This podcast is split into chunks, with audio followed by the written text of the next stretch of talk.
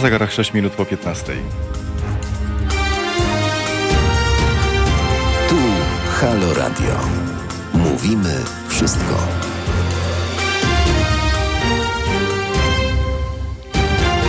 Zaczynamy Halo Aktualności. Akurat w kalendarzu czwartek, 29 kwietnia, dziś imieniny Augustyna, Katarzyna, a także Roberta. Wszystkiego najlepszego z okazji urodzin, jubileuszy. Zdrowia przede wszystkim. Rok 1934 i 29 kwietnia otwarto port lotniczy Warszawa-Okęcie. W 1982 roku też w Polsce.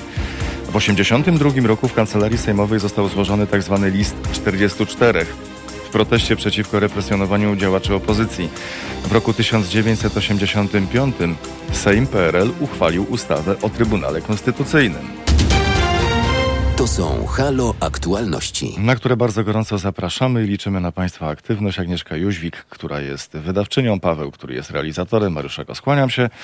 I już mówię, o godzinie 16.30 porozmawiamy o kolejnym ultimatum strajku kobiet. Czego domaga się strajk kobiet i jaką ma realną siłę polityczną, realną siłę przebicia.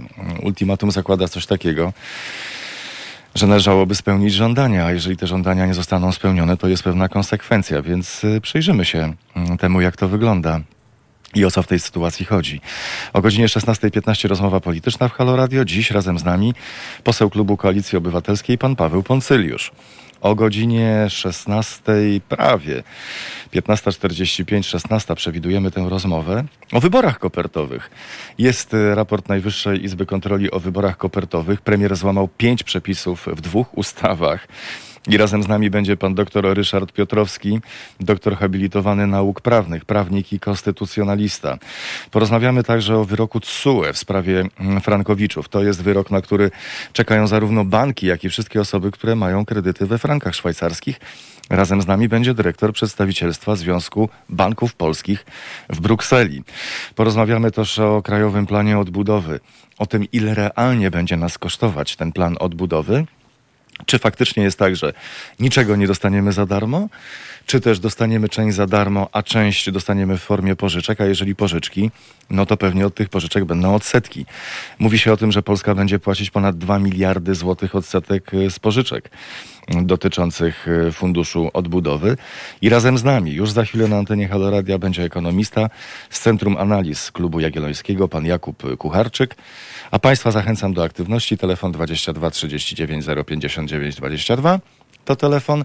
Skrzynka mailowa teraz małpahalo.radio, ewentualnie SMS-em 7148 to jest numer. Najpierw piszą Państwo halo, kropka, następnie to, co Państwo uznają za stosowne i wysyłają na numer 7148 za złotówkę i 23% VAT.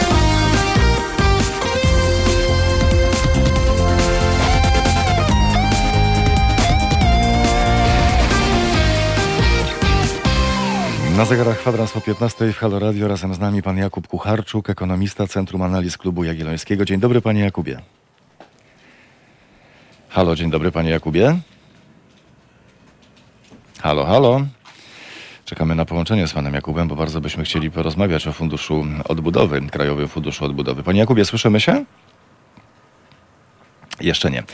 Zatem e, pokrótce. W środę do Sejmu wpłynął rządowy projekt ustawy w sprawie ratyfikacji decyzji dotyczącej systemu zasobów własnych Unii Europejskiej, tak to się ładnie określa. Ratyfikacja decyzji Rady Europejskiej z grudnia ubiegłego roku jest niezbędna do uruchomienia wypłat z Funduszu Odbudowy Unii Europejskiej. I tak, koszt odsetek od pożyczek, jakie zapłaci Polska w latach 2021-2027 wyniesie 550 milionów euro, czyli ponad 2 miliardy złotych. Podstawą do dosięgnięcia po te środki z Funduszu Odbudowy będzie Krajowy Plan Odbudowy. Ten Krajowy Plan Odbudowy musi powstać, musi być konkretny, musi być szczegółowy, a nie taki ogólny, że przydałyby nam się pieniądze, więc nam dajcie.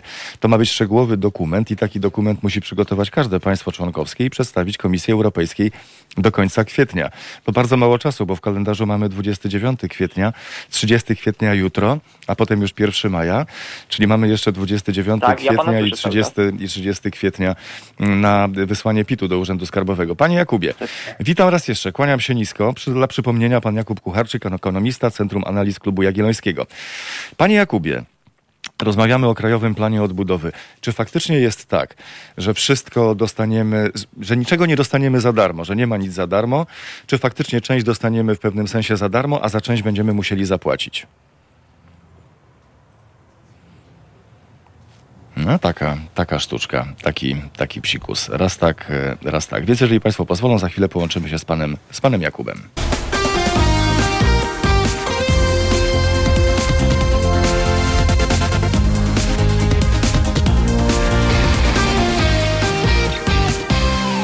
Panie Jakubie, ra- witamy raz jeszcze. Słyszymy się teraz? Tak, dzień dobry. O, panie Jakubie, wszystko dobre, co się dobrze kończy. Pan Jakub Kucharczyk, ekonomista Centrum Analiz. Klubu Jagiellońskiego. Fantastycznie, że jest pan z nami i że możemy porozmawiać i dowiedzieć się czegoś yy, przede wszystkim. Panie Jakubie, czy faktycznie jest tak, że w życiu nie ma nic za darmo i z tego Europejskiego Funduszu Odbudowy będziemy musieli za wszystko zapłacić, nie dostaniemy nic yy, za darmo? E, No, podejścia są różne i to tutaj już twarda ekonomia wchodzi w grę. Tak naprawdę z perspektywy jednak e, polskich samorządów, polskiej gospodarki wydaje się, że dostaniemy pieniądze, no w skrócie i w cudzysłowie mówiąc, za darmo. E, te pieniądze, które do Polski trafią, e, w skrócie, będą wy, będzie dług wyemitowany, obligacje wyemitowane przez Unię Europejską i żyrowane przez Unię Europejską. Więc to Unia Europejska będzie ponosić za nie odpowiedzialność. Jak wiemy, sytuacja na rynku obligacji y, wszystkich dłużnych e, instrumentów jest taka, że Unia Europejska i jej obligacje wręcz są pożądane przez inwestorów na całym świecie. Więc wydaje się, że, że tutaj żaden problem nie będzie i Polska raz, bo tutaj też się pojawia taki mit, y, nie będzie musiała spłacać za siebie tych pieniędzy, które dostanie, a dwa, że też nie będzie musiała za tą Grecję czy Włochy, jeżeli tam by się coś niedobrego stało, też spłacać tych pieniędzy, bo to jednak Unia Europejska będzie ich gwarantem. No, ale oczywiście to mówimy o sytuacji, która jest teraz. Mówimy się o tym, że prawie 24 miliardy euro to bezzwrotne dotacje, ale te pieniądze, jak rozumiem, nie biorą się z powietrza i po to, żeby takich dotacji udzielić, to Unia Europejska właśnie musi te pieniądze pożyczyć, tak? Tak, Unia Europejska musi je pożyczyć, a żeby je spłacić, to też jest zapisane w Funduszu Odbudowy, e, będzie musiała wy, wygenerować pewne środki, dochody własne. Unia Europejska w tym momencie przede wszystkim e, zbierała pieniądze ze składek państw członkowskich. E, To się powoli zmieniało, pojawiły się już pierwsze opłaty. No jednak w Funduszu Odbudowy za, wskazano, że Unia Europejska w najbliższych latach zobowiązuje się do wprowadzenia kilku znaczących podatków, które będą ogólnoeuropejskie. Między innymi mówimy tutaj o podatku choćby od y, emisji CO2, e, więc y, no tutaj wchodzą już kwestie energetyczne, które, które są obok trochę tego, ale wskazano też podatek cyfrowy, wskazano, który jest przecież przedmiotem sporu ze Stanami Zjednoczonymi i z największymi korporacjami amerykańskimi. Wskazano kilka takich rzeczy, z których Europejs- Unia Europejska będzie na terenie całe, całego obszaru, całej wspólnoty pozyskiwać te środki i z nich będzie spłacać te obligacje, czy wykupywać dokładnie rzecz mówiąc obligacje, które teraz wyemituje. Na podatek z CO2 to mogą na nas liczyć, bo tutaj akurat jesteśmy mocni, jeśli chodzi o, o CO2. Tutaj my już, my już płacimy tutaj, wiem, że to jest troszkę obok, ale e, płacimy za e, te, e, jakby są te opłaty emisyjne CO2. Bardziej tutaj chodzi o firmy, które na przykład na Ukrainie produkują albo w Azji, na dalekiej Azji produkują rzeczy, które są emisyjne. Takie firmy i ci, którzy im- importują do Europy te towary właśnie wyprodukowane nieczysto, bo tak to można ująć, tak, przy dużej, wysokiej emisji CO2, tutaj będzie największy koszt i największy zysk dla Unii Europejskiej, jeżeli patrzymy oczywiście z tej perspektywy. 2 miliardy złotych y, od y, 550 milionów euro za lata 2021-2027 to jest dużo, czy to jest mało? 2 miliardy odsetek. E, wydaje się, że to nie jest zbyt wiele. Też warto oczywiście popatrzeć na całościowo, na to, jakie obligacje mamy, ale wydaje się, że y, no to jest kil- kilka, kilkanaście procent w stosunku do całej tej kwoty. E, Więc no wydaje się, że to jest do przyjęcia, tak? E, Jeżeli mówimy o tych środkach, e, o tych ponad dwudziestu kilku miliardach bezzwrotnych e, i o tych drugiej tyle prawie, prawie 20 miliardach pożyczek, które Polska jeszcze nie zapowiedziała jak i czy w ogóle będzie chciała wydać, bo to też będzie dostępne i też Unia Europejska będzie zaciągała obligacje, jeżeli państwa zgłoszą zapotrzebowanie na takie pożyczki. Mm, No to będzie troszkę już na, na innych zasadach niż dotacje, to już Polska będzie sama musiała zwrócić. No ale jednak, co by nie mówić, te, te obligacje emitowane przez Unię Europejską będą najtańsze w, na globalnym rynku. Polska ogólnie jako sama ma te, te obligacje w ostatnich latach niezbyt drogie. Inwestorzy cenili polskie obligacje i polski rynek uważali go za, za dosyć bezpieczny. Oczywiście nie aż tak bezpieczny jak Niemcy czy, czy inne kraje, takie jak Wielka Brytania, no ale jednak do takich krajów jak Grecja, Włochy, Hiszpania, gdzie czasem się już mówiło, że ich obligacje mają śmieciowe ratingi, czyli tak naprawdę e, te kraje musiały oferować bardzo wysoki procent e, dla chętnych inwestorów, żeby ktokolwiek chciał ich obligacje kupić, no to gdy dostaną po niższej cenie, po tej cenie gwarantowanej przez Unię Europejską te obligacje, no to dla nich to jest olbrzymi zysk, a tak naprawdę jedyna szansa na, na pozyskanie w wielu przypadkach. Na marginesie 2 miliardy złotych odsetek. Gdybyśmy normalnie opodatkowali tranzyt gazu przez y, Gazprom, przez nasze terytorium, no to te 2 miliardy złotych akurat by się odbierało, bo mamy poniżej cen rynkowych w tej chwili stawki dla Gazpromu. Ale to na marginesie. Pan Jakub Kucharczyk, ekonomista Centrum Analiz Klubu Jagiellońskiego jest Państwa i moim gościem na antenie Haloradia. Panie Jakubie, pytanie na poziomie politycznym. Czy da się te pieniądze przekierować do swoich, wtedy kiedy one już y, znajdą się na naszych, nazwijmy to, polskich państwowych y, rachunkach? Tak nimi pokierować, żeby przetransferować tam zgodnie z wolą polityczną, żeby wzmacniać swoich? To jest o tyle ciężkie pytanie, że jeżeli patrzymy na ten projekt Krajowego Planu Odbudowy, który został zaprezentowany w lutym, który był w konsultacjach, to tam można było wskazać kilka projektów, które nie trafią do swoich po, po, linii partyjnej, ale trafią do swoich jako ministrów, bo ministrowie będą mogli zrealizować projekty, które są bliskie ich sercu. No i oczywiście, jako są bliskie ich sercu, to robią dla nich e, dobry PR.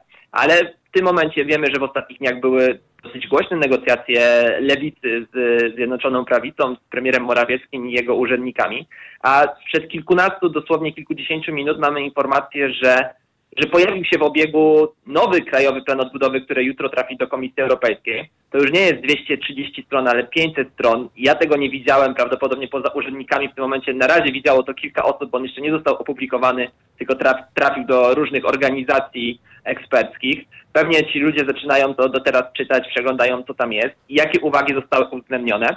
Też znamy zapowiedź e, lewicy po tych spotkaniach, że 30% tych środków będzie dysponowane całego Krajowego Planu Odbudowy, czyli mówimy tak naprawdę o kwocie no, prawie 5 miliardów, będzie dysponowane przez samorządy województw. Tego w ogóle w krajowym pierwszym projekcie Krajowego Planu Odbudowy nie było. Jak wiemy, województwa w Polsce pod względem przynależności partyjnej są 50-50 podzielone. Są te na, na ścianie wschodniej, Małopolska, Podkarpackie, inne województwa, które są rządzone przez Zjednoczoną Prawicę, Prawo i Sprawiedliwość, no ale cała ściana zachodnia są w większości województwa rządzone jednak przez e, czy to koalicję, koalicję obywatelską, czy, czy inne koalicje, które jednak są opozycyjne.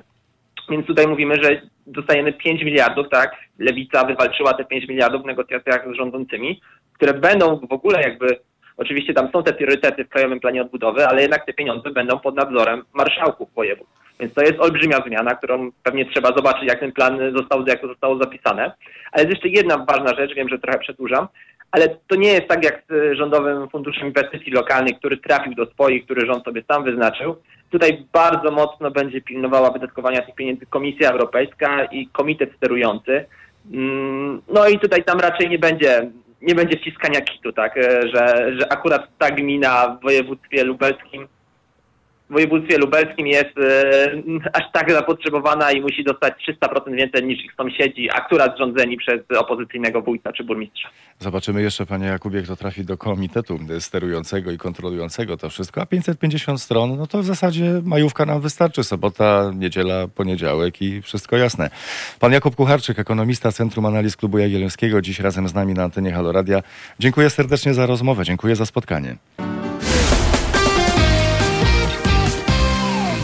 Halo Radio. Mówimy wszystko. I kolejne felietony przed nami o godzinie 16.50 felieton Ziemowita Szczerka, o 18.50 felieton Sylwii Hutnik, felieton Agaty Diduszko-Zyglewskiej o 20.50, a o 22.50 felieton Arkadiusza Szczurka. Teraz na zegarach kilka minut o pół do 16 razem z nami. Proszę Państwa, dyrektor przedstawicielstwa Związku Banków Polskich Brukseli, pan Piotr Gałązka. Dzień dobry panie Piotrze, dzień dobry panie dyrektorze. Dzień dobry panie redaktorze, dziękuję za zaproszenie. My dziękujemy, że możemy z panem porozmawiać. Jest wyrok TSUE w sprawie kredytów frankowych. Pierwsze komentarze są takie, dużo szumu, mało z tego wynikło. E, nie zgodzę się z tą opinią. Wydaje mi się, że dzisiejszy wyrok Trybunału Sprawiedliwości Unii Europejskiej w Luksemburgu zawiera dość e, e, dokładne wytyczne dla sądów krajowych, w szczególności dla sądu w Gdańsku, który skierował pytanie prejudycjalne, ale też dla wszystkich innych sądów, odnośnie tego, jak należy właściwie rozumieć, jaki jest faktyczny sens dyrektywy 9313, czyli dyrektywy o nieuczciwych warunkach umownych. Dzisiejszym wyroku, gdzie pytanie przede wszystkim dotyczyło tego, czy sąd krajowy, rozstrzygając, e, oceniając, czy dana klauzula e, w, e, kre, w umowie kredytu hipotecznego indeksowanego do franka szwajcarskiego jest e, nieuczciwa, czy e, powinien od razu orzec o e, nie, nieważności całej umowy, czy może zadziałać w inny sposób, to znaczy wyeliminować tą klauzulę, pozostawiając e, umowę ważną. I tutaj e, jednoznaczny sygnał, który mamy z tego wyroku TSUE dzisiejszego, jest taki, że Sąd Krajowy powinien zrobić jak najwięcej, aby utrzymać trwałość umowy. To znaczy e, TSUE stwierdził, że nieważność umowy nie jest celem ani sankcją przewidzianą w dyrektywie 9313 i nie jest to e, jakby cel tej dyrektywy. E, Ostatecznie nieważność w skrajnych przypadkach, jeżeli rzeczywiście bez danej klauzuli nie da się e, realizować umowy, no to wówczas ta umowa powinna być nieważna. Natomiast Sąd e, Krajowy powinien e, ocenić to obiektywnie, a nie opierać się wyłącznie na woli i interesie e, konsumenta, bo celem dyrektywy nie jest faworyzowanie konsumenta, lecz bardziej przywracanie równowagi stron i nie karanie e, przedsiębiorcy. Co ważne, e, Trybunał poparł tak zwaną doktrynę niebieskiego łówka, po angielsku Blue Pencil Doctrine, która właśnie mówi o tym, że w jaki sposób sąd powinien utrzymać umowę w mocy, eliminując, e, eliminując poszczególne e, klauzule uznane za e, abuzywne z tej umowy. I co ważne dla, e, również dla sektora bankowego, Trybunał nie sprzeciwił się e, roszczeniom e, o wynagrodzenie za korzystanie z kapitału, czyli kwestia, która jest w tej chwili dyskutowana również przed Sądem Najwyższym, więc czekamy teraz na orzeczenia Sądu Najwyższego w tej sprawie. Ci, którzy byli niezadowoleni z takich umów, tutaj są mocno rozczarowani, dlatego że Trybunał dał jedynie do zrozumienia, że sąd powinien poinformować kredytobiorcę o skutkach prawnych unieważnienia umowy tak, aby ten miał pełną wiedzę.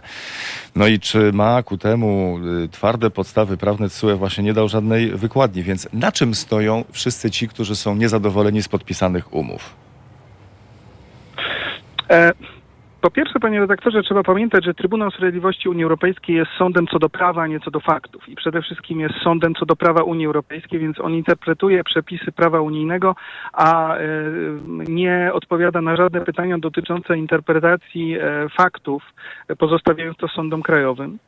Jeżeli chodzi o kredytobiorców, którzy, e, którzy mają e, w tej chwili e, obowiązujące umowy kredytowe we franku szwajcarskim, no to w, w ocenie banków te umowy zostały zawarte w sposób prawidłowy, zgodnie z przepisami prawa i rekomendacjami KNF-u. Rekomendacje KNF-u wymagały dodatkowego badania zdolności kredytowej i dodatkowych oświadczeń ze strony kredytobiorców, co było realizowane.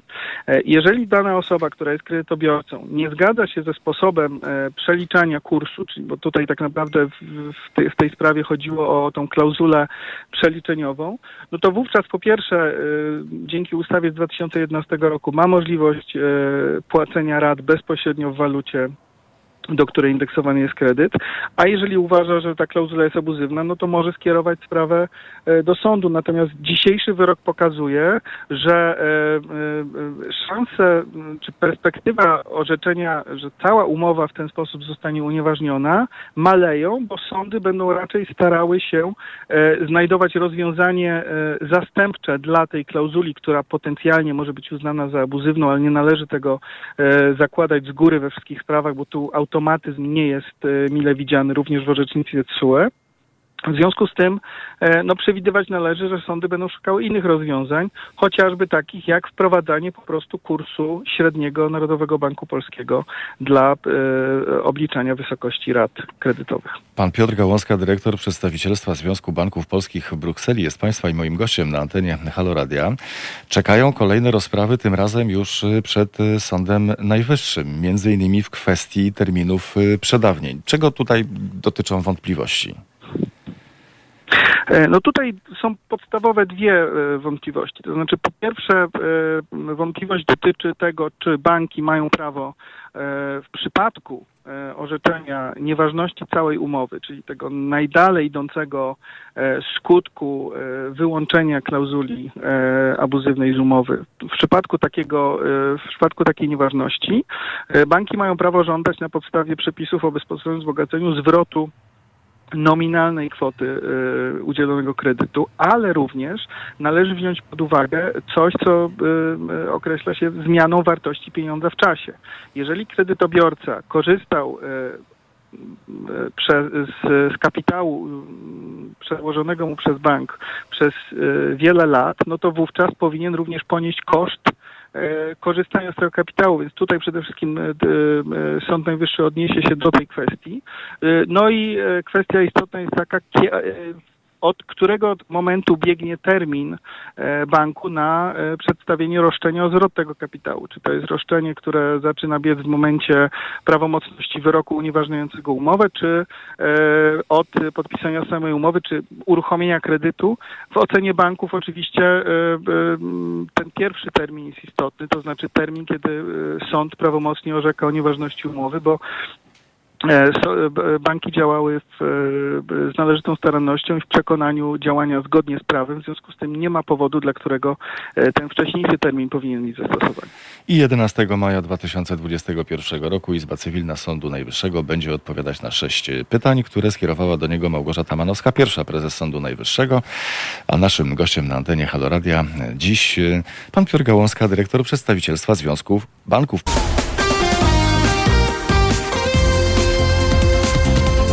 Halo Radio. Mówi wszystko. Razem z nami doktor habilitowany nauk prawnych, prawnik, konstytucjonalista, pan doktor Ryszard Piotrowski. Dzień dobry panie doktorze, kłaniam się. Dzień dobry panu, dzień dobry państwu. Premier złamał pięć przepisów w dwóch ustawach. E, tak pokazuje raport Najwyższej Izby Kontroli o wyborach kopertowych i cisza. Zupełnie tak, jakby nikt nie widział żadnego problemu. No, to nie znaczy, że problem nie jest dostrzegany, y, bo to, co mogłoby mm, dalej się wydarzyć, y, dotyczy tych mm, podmiotów, które mogą wystąpić z wnioskiem o pociągnięcie mm, premiera do odpowiedzialności przed Trybunałem Stanu. No, w związku z naruszeniem konstytucji, ale także w związku z popełnieniem przestępstwa polegającego na przekroczeniu uprawnień. To by dotyczyło grupy posłów, 115 posłów, względnie prezydenta. No trudno, żeby prezydent z tym wnioskiem występował, zwłaszcza, że premier i cały rząd walczyli jak lwy, żeby prezydent wygrał wybory i to nastąpiło. Natomiast co do posłów, to oni być może y, są sceptyczni co do możliwości uzyskania w Sejmie większości 3 piątych, 276 posłów za pociągnięciem e, premiera do odpowiedzialności konstytucyjnej. No, jest jeszcze prokuratura, ale prokuratura podlega premierowi, w związku z tym e, ta cisza e, nie powinna dziwić. Prawie 80 milionów e, złotych e, poszło w błoto, więc można powiedzieć, że poszkodowani jesteśmy wszyscy. Czy teraz e, wyborcy, bez względu na to, jaką, jaką opcję, jaka opcja polityczna jest bliska ich sercu, mogliby wystąpić z takim, z takim roszczeniem w stosunku do premiera? Nie bardzo, dlatego że premier twierdzi, że działał na podstawie prawa. Co prawda Wojewódzki Sąd Administracyjny uznał, że działanie premiera było bezprawne, dlatego że ustawa upoważniająca go do wydawania poleceń w związku ze zwalczaniem e, epidemii, e, no, e, nie upoważniała premiera do wydania polecenia dotyczącego przeprowadzenia wyborów kopertowych dla wszystkich, bo w momencie, kiedy tę decyzję premier podejmował 16 kwietnia, te wybory kopertowe były przewidziane dla niepełnosprawnych, dla przebywających na kwarantannie i dla osób powyżej 60 roku życia. Premier to rozciągnął na wszystkich na tej zasadzie, że takie rozwiązanie było przewidziane w ustawie, która została uchwalona przez Sejm, ale nie została jeszcze e, zaakceptowana bądź odrzucona przez Senat. No i w związku z tym Wojewódzki Sąd Administracyjny stwierdził, że premier naruszył prawo, ale to orzeczenie nie jest prawomocne, dlatego że zostało zaskarżone w trybie kasacyjnym przez prezesa Rady Ministrów. Zobaczymy, co Naczelny Sąd Administracyjny na to powie. Zasadniczo linia argumentacyjna premiera byłaby taka, że działałem dla realizacji konstytucji, dla przeprowadzenia wyborów. No i nie mogłem przewidzieć, że opozycja będzie tutaj szkodzić temu zamierzeniu. Wobec tego poleciłem wydrukowanie tych kart na podstawie upoważnienia do zwalczania epidemii. Lepiej, żeby głosowali korespondencyjnie, niż by mieli się gromadzić w lokalach wyborczych. No ale to jednak jest rozumowanie, które dopisuje fragment do ustawy. Czy ostatecznie Naczelny Sąd Administracyjny podzieli pogląd wojewódzkiego? To zobaczymy.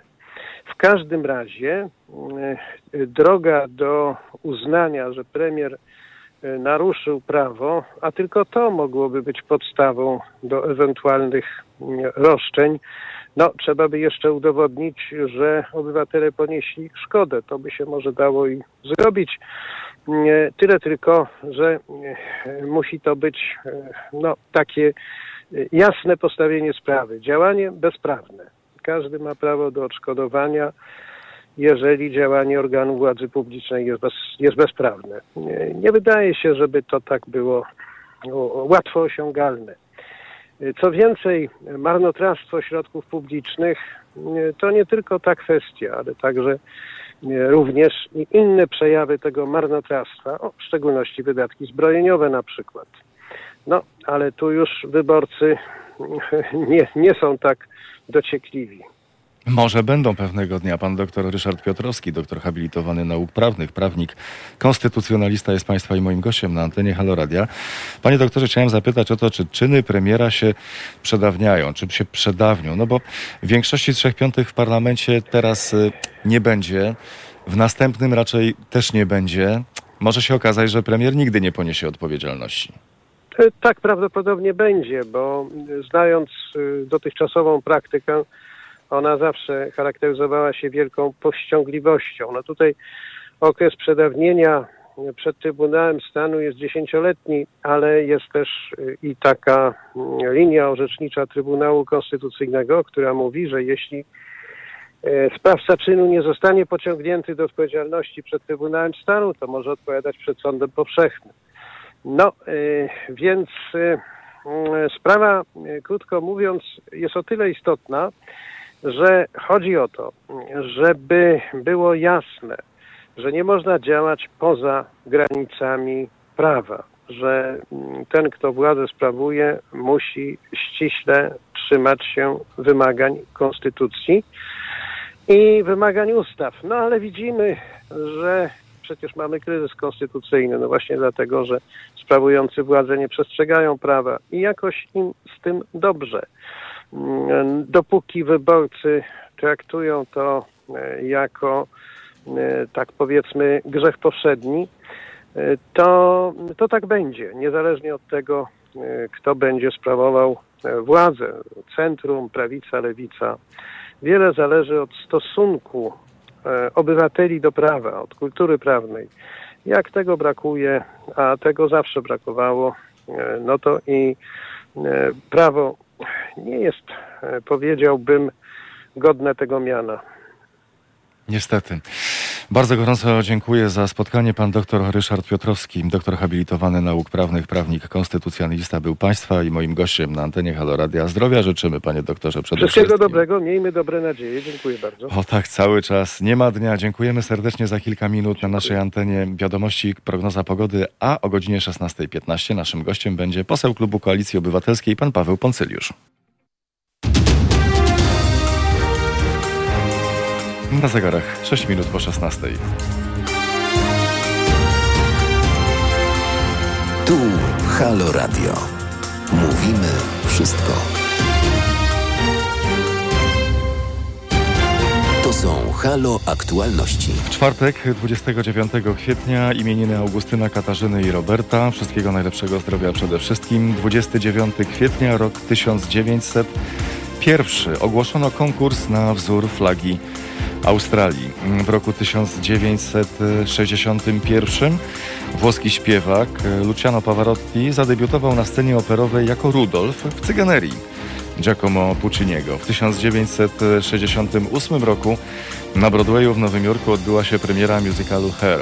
Być może dobry dzień na występy artystyczne przed szerszą publicznością. A nie, co ja mówię, przecież jest COVID. Słuchacie Halo Aktualności. Już za kilka minut y, na naszej antenie razem z nami poseł klubu Koalicji Obywatelskiej, pan Paweł Poncyliusz. Jeśli mają Państwo pytania, to bardzo proszę. Teraz małpahalo.radio, ewentualnie telefon 22 39 059 22, ewentualnie SMS-em 7148. Zaczynają Państwo treść SMS-a od halo. Znaczy, następnie to, co Państwo uznają za stosowne i to kosztuje złotówkę i 23% VAT. Patrzymy na to, co dzieje się dzisiaj w naszym kraju. To też bardzo chciał zapytać pana posła Poncyliusza, bo to ojciec Tadeusz Rydzyk opuścił sąd po złożeniu zeznań. Wejście ochraniało kilkunastu policjantów, ale wcześniej Tadeusz Rydzyk apelował innymi do posłów i posłanek, aby mu pomogli, dlatego że jak powiedział, żadna siła zewnętrzna nie może go zmusić do tego, spoza, spoza Polski nawet, tak powiedział, aby tłumaczył się z czegokolwiek I, i apelował, aby właśnie posłanki i posłowie pomogli mu y, w tym, y, w tym celu, żeby go bronić, żeby go chronić, zanim, zanim sąd się y, wypowie, a chodzi nieprawidłowości finansowe w prowadzeniu fundacji. Lewica cały czas zadowolona. Wprawdzie pan Zandberg mówi, lewica nie ma złudzeń co do Prawa i Sprawiedliwości, ale to w Brukseli jest kurek z pieniędzmi. O to też zapytam i o tym też porozmawiamy z panem posłem Koalicji Obywatelskiej, czy nadal Koalicja Obywatelska gniewa się na lewicę, czy ma jej coś y, za złe. Pan Zandberg mówi, że mamy zaufanie do mechanizmów działania Unii Europejskiej, dlatego oczekujemy wpisania zmian do dokumentu, który rząd musi wysłać do Brukseli. Tylko ten dokument musi być wysłany do końca kwietnia. Jak y, rozmawialiśmy w poprzedniej godzinie, może Państwo słuchali, spuchł ten dokument z około 220 stron do prawie 550 właśnie po tym spotkaniu z Lewicą pojawiły się nowe elementy, być może, które ten dokument y, zawiera. Między innymi chodzi o to, żeby samorządy województw decydowały o tym, jak y, pieniądze będą rozdysponowane, przynajmniej na tym, na tym y, poziomie. Więc jest o czym rozmawiać. Państwo też mogą oczywiście ze swojej strony także, także pytać. Andrzej Sośnierz odchodzi z klubu Prawa i Sprawiedliwości, dołączył do Agnieszki Ścigaj. To też bardzo ciekawy wątek polityczny, bo to w Sejmie powołano koło poselskie Polskie Sprawy. Mm, tak y, powiedziała na konferencji jego przewodnicząca Agnieszka Ścigaj. W trzyosobowym kole oprócz pani Ścigaj znaleźli się polityk porozumienia Andrzej Sośnierz i związany z Kukiz 15 pan Paweł Szramka. I tak to wygląda, tak to się y, tasuje. Na zegarach prawie 10 minut po 16 czekamy na połączenie z panem posłem. Halo Radio.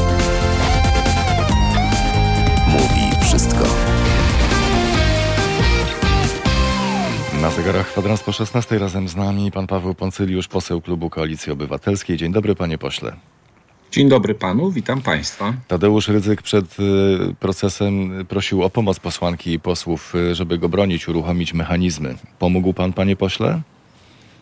Nie, ale do mnie nikt nie dzwonił z Fundacji Lux Veritatis, ani ze, ze, ze szkoły wyższej, ani z innych fundacji ojca Rydzyka, więc Myślę, że tam zawsze pląsają na różnych uroczystościach w Radiu Maryja inni posłowie, to oni, oni są w pierwszej kolejności powołani do udzielania pomocy. Tak, z czystej ciekawości dziennikarskiego obowiązku zapytałem, bo to był taki apel publiczny. No. Podejrzewam, że y, Tadeusz Rydzyk ma prywatne telefony wielu osób, ale też wolał o tym powiedzieć publicznie. Czy państwo jako Koalicja Obywatelska gniewają się dalej na lewicę, czy już jest okej? Okay? Nie, wie pan, to nie jest kategoria gniewania, bo jak pan wie dobrze, polityka jest y, taką dziedziną, w której trzeba czasami chować dumę do kieszeni i iść dalej, ale na pewno będziemy długo pamiętać. A ja pamiętam, jak rok temu Adrian Zandberg i inni działacze lewicy tłumaczyli, że trzeba poprzeć PiS y, w temacie zmiany trybu głosowań w Sejmie i wtedy naiwnie mm, utrzymywali, że PiS im obiecał, że nie będzie zmieniał prawa wyborczego, konstytucji, jakby takich zasadniczych e, ustaw w tym trybie e, zdalnym, a potem się, że tak powiem, okazało, że, że to wszystko jest nieprawda i że PiS po prostu oszukał lewicę. No lewica w tej chwili po raz kolejny daje się wpuścić w maliny. No i cóż, no, no taka, taka, tacy partnerzy, trzeba po prostu o tym pamiętać.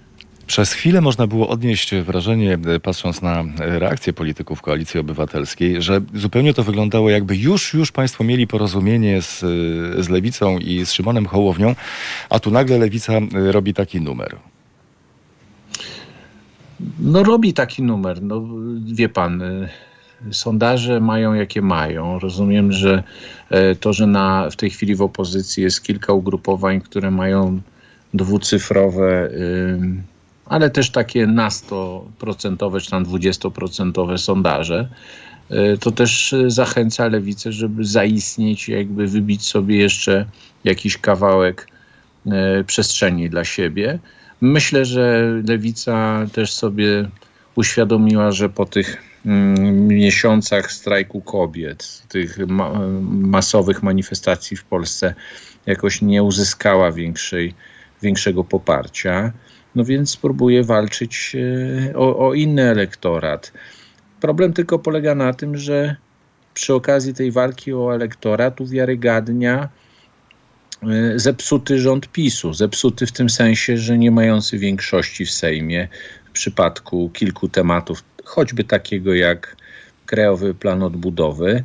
I w pewnym sensie popieranie w tej chwili tej, e, tego planu takie trochę bezwarunkowe, bo, bo nie oszukujmy się, te, te deklaracje, które złożył PiS e, zgodnie, zgodnie z namowami lewicy, można w każdej chwili odkręcić, bo dobrze wiemy, że e, choćby kwestia m, tak zwanej komisji monitorującej wydawanie tych pieniędzy może skończyć się tym, że to będą pisowscy przedsiębiorcy, pisowscy samorządowcy i tak naprawdę to, co nam chodziło jako opozycji, żeby ten plan Marszale, jak go PiS nazywa, był tak naprawdę planem, do którego takim programem pomocowym, do którego wszyscy się e, zobowiązujemy i też wszyscy uczestniczymy w tym jako politycy, jako samorządowcy, ale też jako obywatele.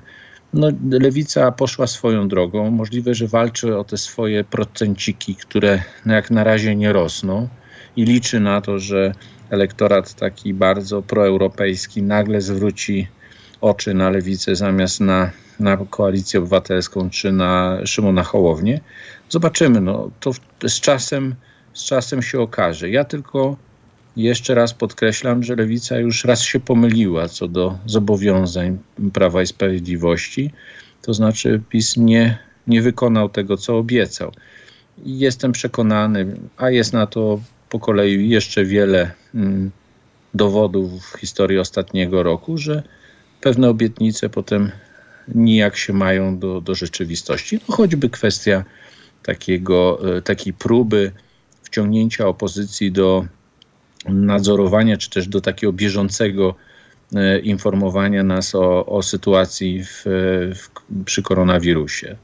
Dwa razy się premierowi udało zaprosić e, przedstawicieli opozycji do, e, do kancelarii premiera, a miała być, to, miała być to formuła stała, gdzie po prostu tydzień w tydzień e, wszystkie partie parlamentarne są informowane o tym, jaki jest postęp w sytuacji walki z, z COVID-em. Mhm. To się tylko realizowało w sytuacji, kiedy premier był w jakimś, w jakimś e, stanie kryzysu i wtedy zapraszał opozycję do swojej kancelarii, obiecywał znowu pewne rzeczy, potem, po czym się z nich nie wywiązywał. Pojawiły się głosy zaraz po tym, jak zostało ogłoszone to porozumienie, że lewica poszła po pieniądze. W jaki sposób można spieniężyć takie porozumienie z korzyścią dla siebie? Spotkanie dwie godziny, wszystko pozałatwiane, dokument, który ma być przedstawiony w Brukseli, nagle w sposób magiczny puchnie z 220 stron do około 550. Jak spieniężyć z korzyścią dla siebie takie porozumienie w przypadku lewicy? Nie wiem, nie znam tej opinii, nie, nie znam tego zdania. To trzeba by zapytać kogoś, kto tak to powiedział. Ja, ja też sobie trudno wyobrażam takie spieniężenie wprost, no może być, e, znaczy możliwe, że lewica liczy na to, że nie wiem, jak dostaną szpitale tą kwotę tych, y, o, o którą oni wnioskowali, tam chyba 800 e, milionów złotych, że szpitale powiatowe otrzymają w ramach pomocy e, no, tego, co straciły przez ostatni ponad rok, czy poniosły koszty y, powyżej tego, co otrzymywały z kontraktów NFZ-u. Może możliwe, że o to chodziło, a może chodziło o o nie wiem, o jakieś e, samorządy, w których lewica ma, ma swój udział. Znaczy wie pan, szczerze mówiąc, to już są Michałki, to już nie ma kompletnie znaczenia, no, bo warto Michałki by było jak, rozmawiać Michałki samym, jak Michałki. O samym, o samym krajowym programie, planie odbudowy, bo w, w, w, mniemaniu Polaków dzisiaj Koalicja Obywatelska jest przeciwna te, temu krajowemu planowi, czy też może inaczej, tym pieniądzom, które mają spłynąć z Unii Europejskiej. Ale państwo też jako Koalicja Obywatelska nie. sądowali ziobrystów y, w swoim czasie. Czy przypadkiem nie warto byłoby postrawić kontrę razem? Tego nie wiem. E, to od pana się dowiaduję, że takie, że takie sądowanie było, ale to mówię, to nawet nie chodzi o samą taktykę, bo, bo my cały czas mówimy o taktyce politycznej. Ona oczywiście jest atrakcyjna, tylko ona z punktu widzenia obywatela nie ma kompletnie żadnego znaczenia, bo obywatel dzisiaj ma przekonanie, że jeżeli te, ten krajowy plan odbudowy nie zostanie e, przyjęty, to do niego nie spłyną natychmiast pieniądze. Więc po pierwsze trzeba powiedzieć, że tych pieniędzy natychmiast nie będzie, e, bo, bo dzisiaj tak naprawdę głosujemy nad wyrażeniem akceptacji na uruchomienie procesów polegających między innymi na nałożeniu nowych podatków, bo przecież te pieniądze, które mają spłynąć do nas na realizację Krajowego Planu Odbudowy, te pieniądze europejskie, one dzisiaj nie leżą w żadnym kuferku w Brukseli, w Frankfurcie czy w jakimś innym miejscu w Unii Europejskiej, tylko to są pieniądze, które dopiero Unia Europejska będzie ściągała w postaci różnego rodzaju podatków, podatku cyfrowego, podatku węglowego, e, m, części przychodów z emisji CO2. I dopiero wtedy będziemy mogli mówić o tych o realnych pieniądzach. Czyli to nie będzie tu i teraz, to nie będzie za chwilę. Po drugie, to, co jest ważne, to według tego, co rząd e, Mateusza Morawieckiego zaproponował, to są pieniądze, które w dużej części będą e, przetrawione i przejedzone przez instytucje publiczne i spółki Skarbu Państwa, a nie spłyną tak naprawdę do Polaków. No chyba, że któryś z naszych słuchaczy jest przedsiębiorcą i będzie dostarczał jakieś usługi do przysłowiowego Tauronu czy PGE, no to może ta, faktycznie wtedy E, coś zyska na tych, e, na tych funduszach, które spłyną Otóż to i w ten sposób kwocie. i w ten sposób się spienięża, spienięża się y, cel tak, polityczny. Poseł klubu tak, Koalicji proszę. Obywatelskiej, pan Paweł Poncyliusz jest państwa i moim gościem na antenie Halo Radia. Panie pośle, czy zgodzi się pan y, z prezesem, szefem NIK-u, z panem Banasiem, że żyjemy już w państwie policyjnym? No, ale to znaczy, y, cieszę się, że pan prezes Banaś już doszedł do tego, bo naszym zdaniem to już dłuższy czas ma to miejsce. No, mamy, mamy przecież e, przypadki e, szykanowania osób, które organizowały czy uczestniczyły aktywnie w różnego rodzaju marszach e, przy okazji wyroku Trybunału Konstytucyjnego zakazującego aborcję. Przecież nawet to dotyczy Dębicy, gdzie, gdzie znaczy uczestniczki aktywne były wzywane do prokuratury i przesłuchiwane. E, na, na okoliczność tego, że brały w tym udział i na pewno są organizatorkami, w związku z tym e, straszenie ich, że będą odpowiada odpowiadały za e, z paragrafu dotyczącego narażenia ludzi, na, na, narażenia zdrowia i życia ludzi, no co jest w ogóle absurdalne w przypadku tych marszów, które się odbywały na zewnątrz. Więc jakby z tym państwem policyjnym mamy nie od dziś do czynienia. Współczuję prezesowi Banasiowi, że to dotyczy jego rodziny dzisiaj, ale mamy sytuację aresztowań na wiele miesięcy i po czym okazuje się, że nie można spreparować ostatecznego wniosku do sądu przez prokuraturę, no ale łatwo oczywiście aresztować, kogoś osadzić gdzieś w areszcie, uruchomić taką, e, tak, e, taką dźwignię pod tytułem jak nam się do czegoś przyznasz, to cię wypuścimy z aresztu i będziesz odpowiadał w sądzie z wolnej stopy. I ja nie mówię tylko o Sławomirze Nowaku, bo takich przykładów mógłbym podać co najmniej kilka osób, które znam, które, y, y, które łatwo było osądzać w mediach przy okazji aresztowania na wniosek prokuratury, tylko albo prokuratura do dziś nie postawiła zarzutów sądu, znaczy nie skierowała sprawy do sądu, albo też jeżeli skierowała, tak jak w przypadku Stanisława Gawłowskiego, obecnego senatora, to y, w sądzie te wszystkie argumenty prokuratury są obalane przez sędziów, więc y, mamy do czynienia absolutnie z, y, z takimi namiastkami państwa policyjnego i widać, że tam, gdzie ktoś jest nie na rękę władzy, to uruchamia się cały, cały aparat państwowy, żeby kogoś takiego przywołać do porządku albo go zastraszyć i jakby kazać mu się ze wszystkiego wycofać, schować, żeby nie, nie, nie kłuł w oczy. No w przypadku presa Banasia wiemy o co chodzi. No, dziwna koincydencja wydarzeń. Kilka dni temu wypływa informacja, że absolutnie wybory kopertowe, które organizował Mateusz Morawiecki ze swoimi współpracownikami, były, były, było działaniem nielegalnym, mhm. znaczy organizowanie tych wyborów, a po, po kilku dniach mamy e, wejście do mieszkania syna presa Banasia i, i jakby organizowanie mu kipiszu. Nie mam wątpliwości, że nie przypadkiem są te, dwie, te dwa wydarzenia obok siebie. I na koniec, panie pośle, pytanie, które sam pan zadał. Pytanie, czy na to pytanie otrzymał pan już odpowiedź. Czy premier poda się do dymisji po tym, jak raport NIK-u ujrzy światło dzienne? Bo to, że premier zna już ten raport NIK-u, mówi się, że on już zna od dobrych czterech tygodni, więc raczej dla premiera to nie jest żadna niespodzianka. Poda się do dymisji? Nie, nie sądzę, żeby się pody, podał, ale mam nadzieję, że ten raport NIK-u będzie podstawą do postawienia pana premiera kiedyś przed Trybunałem Stanu, bo uważam, że wszystkich polityków, którzy łamią prawo, pełniąc funkcje publiczne, trzeba stawiać przed Trybunałem Stanu, bo to. Yy, Trzy piąte w parlamencie albo prezydent. Następni, tak, ale to, że następni politycy będą się dwa razy bardziej zastanawiali w swoich różnych chuciach politycznych e, celów i będą, będą wiedzieli, że z tego mogą być po prostu daleko idące konsekwencje nieprzyjemne dla nich, więc może czasami warto nabrać trochę powietrza w płuce, zastanowić się chwilę, niż przejść pomimo braku przesłanek prawnych do, do jakichś działań. Pan Paweł Poncyliusz, poseł Klubu Koalicji Obywatelskiej, był Państwa i moim gościem na antenie Halo Radia. Dziękuję serdecznie za Dziękuję rozmowę. bardzo, dobrego popołudnia i Wszystkiego do dobrego. Dziękujemy, do usłyszenia. Za chwilę porozmawiamy o sytuacji politycznej, ale tym razem z perspektywy strajku kobiet. Oto strajk kobiet stawia kolejne ultimatum. Nieustannie Państwu dziękujemy od, za to, że Państwo pamiętają o nas na zrzutka.pl kośnik Halo Radio. Dziękujemy panu Adamowi z Łodzi, pani Hannie z Warszawy, panu Jackowi z Lublina, panu Pawłowi z Gdańska. Pamiętajcie proszę o nas na zrzutka.pl kośnik Halo Radio. A razem z nami pan doktor Olgierd Annusewicz, politolog, specjalista od marketingu politycznego. Dzień dobry panie doktorze. Dzień dobry. Strajk kobiet stawia ultimatum. I jakoś nie powiem, żeby widać było, że ktokolwiek na scenie politycznej, szczególnie lewica, bo to jej dotyczy, żeby jakoś się przejął. No bo jak to ultimatum brzmi?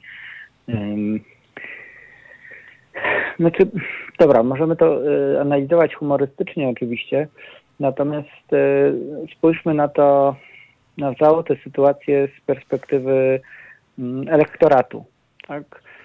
oraz pewnego racjonalnego, w miarę obiektywnego punktu widzenia, jakim jest fakt, że e, odrzucenie czy doprowadzenie do tego, żeby Polska nie mogła skorzystać z funduszu odbudowy, czyli rezygnacja z gigantycznych pieniędzy, które są ewidentnie potrzebne albo na mm, albo na odbudowę po okresie pandemii, albo po to choćby, żeby gospodarka Polski dostała dodatkowego rozpędu, albo żeby nie, się, nie za bardzo się opóźniła względem reszty świata czy Europy, no to jest potrzebne, tak?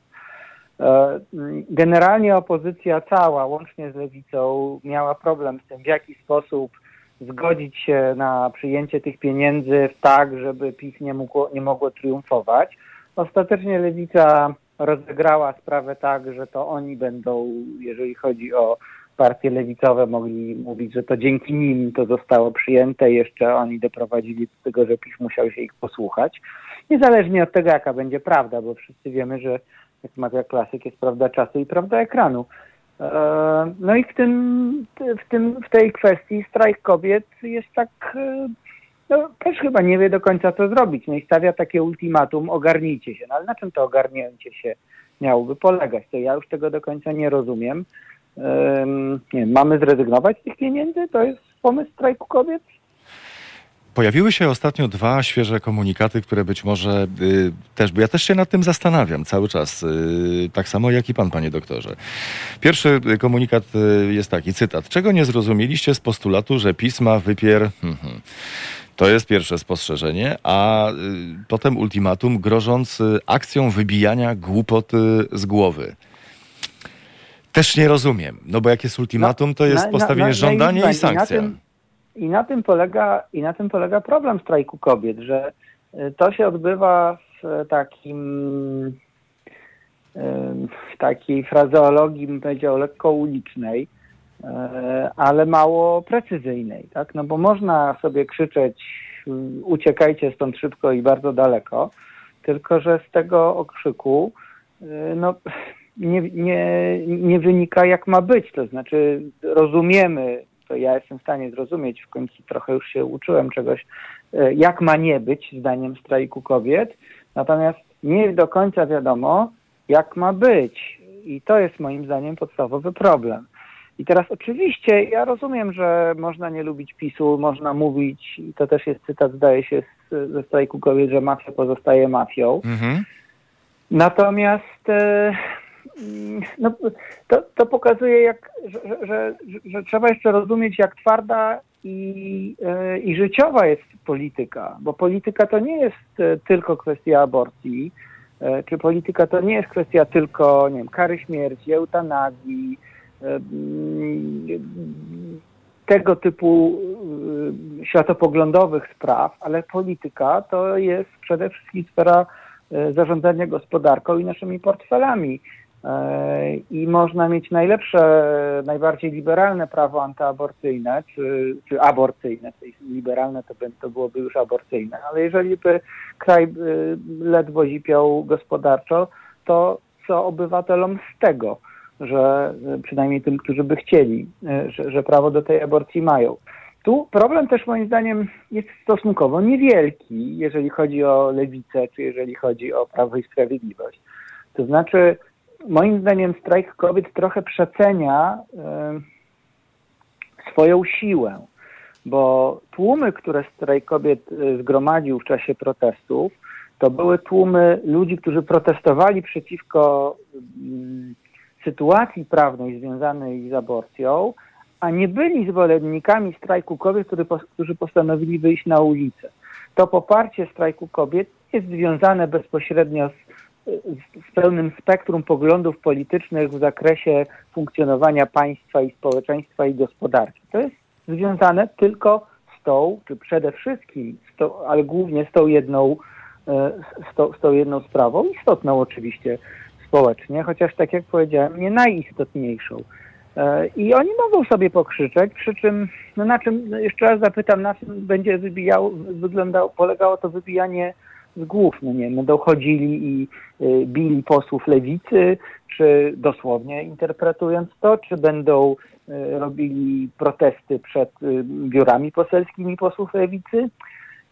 To pierwsze byłoby interesujące, natomiast to drugie byłoby prawdopodobnie lekko żenujące, no bo nie spodziewam się, żeby y, mm, Polacy tłumnie wyszli przed biura lewicy, żeby protestować przeciwko przyjęciu pieniędzy, które pomogą odbudować kraj, z, czy rozwinąć kraj z, po, po, po okresie pandemii. No, mm, przyznam szczerze, że myślę, że to dobrze pan to ujął, że z zainteresowaniem bym się temu przyglądał, natomiast y, raczej y, z, z kolą i popcornem, aniżeli że, rzeczywiście mm, oczekując na to, że wydarzy się coś zaiste interesującego. No mimo wszystko szkoda. Przypomnę, że pan dr Olgiertan Nusewicz, politolog, specjalista od marketingu politycznego jest państwa i moim gościem na antenie Halo Radio. Mówię szkoda, dlatego że szkoda tej całej energii ludzi w różnym wieku i ludzi obojga płci,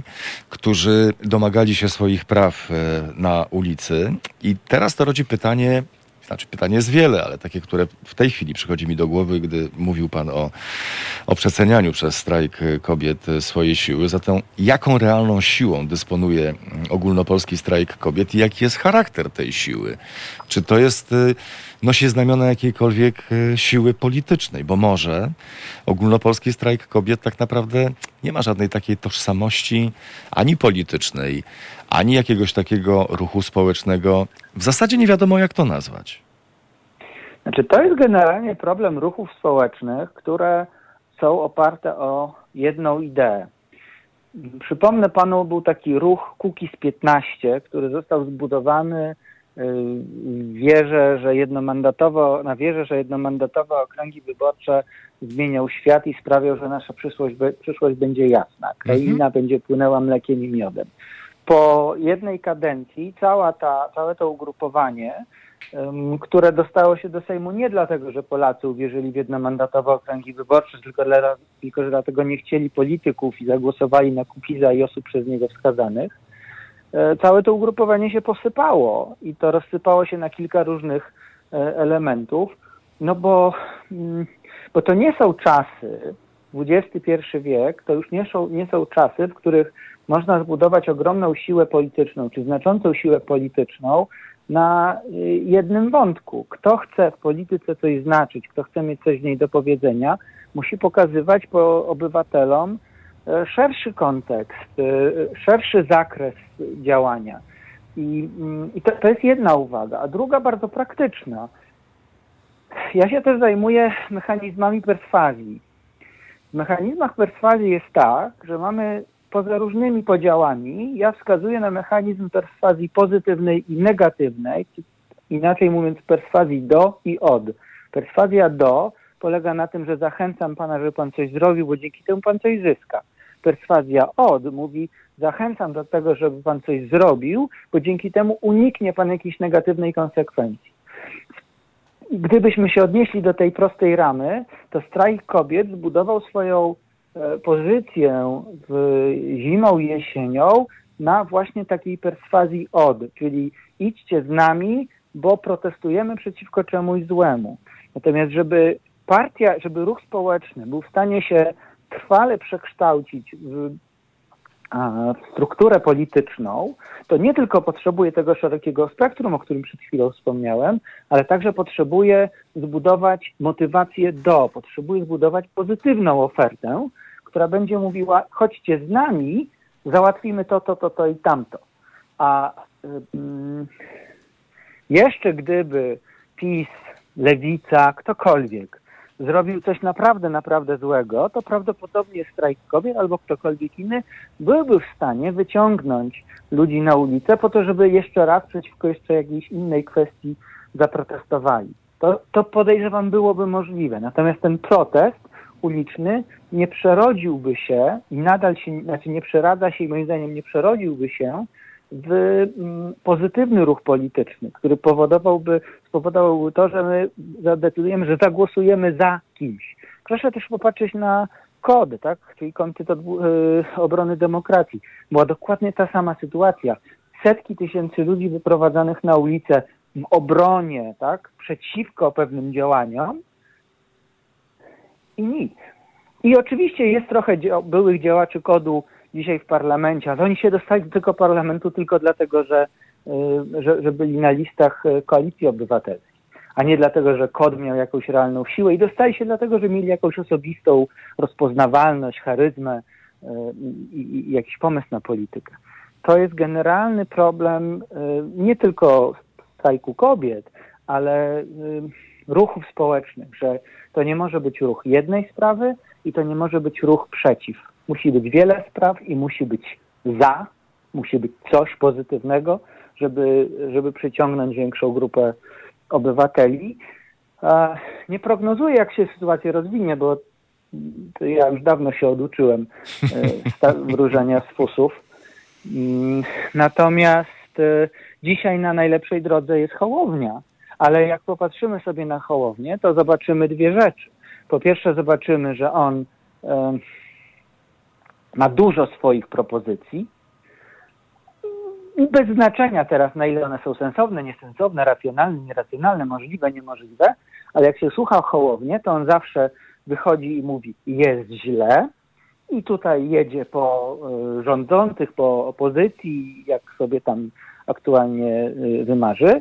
Natomiast zawsze potem jest informacja, co jego zdaniem w tej sytuacji powinno się zrobić.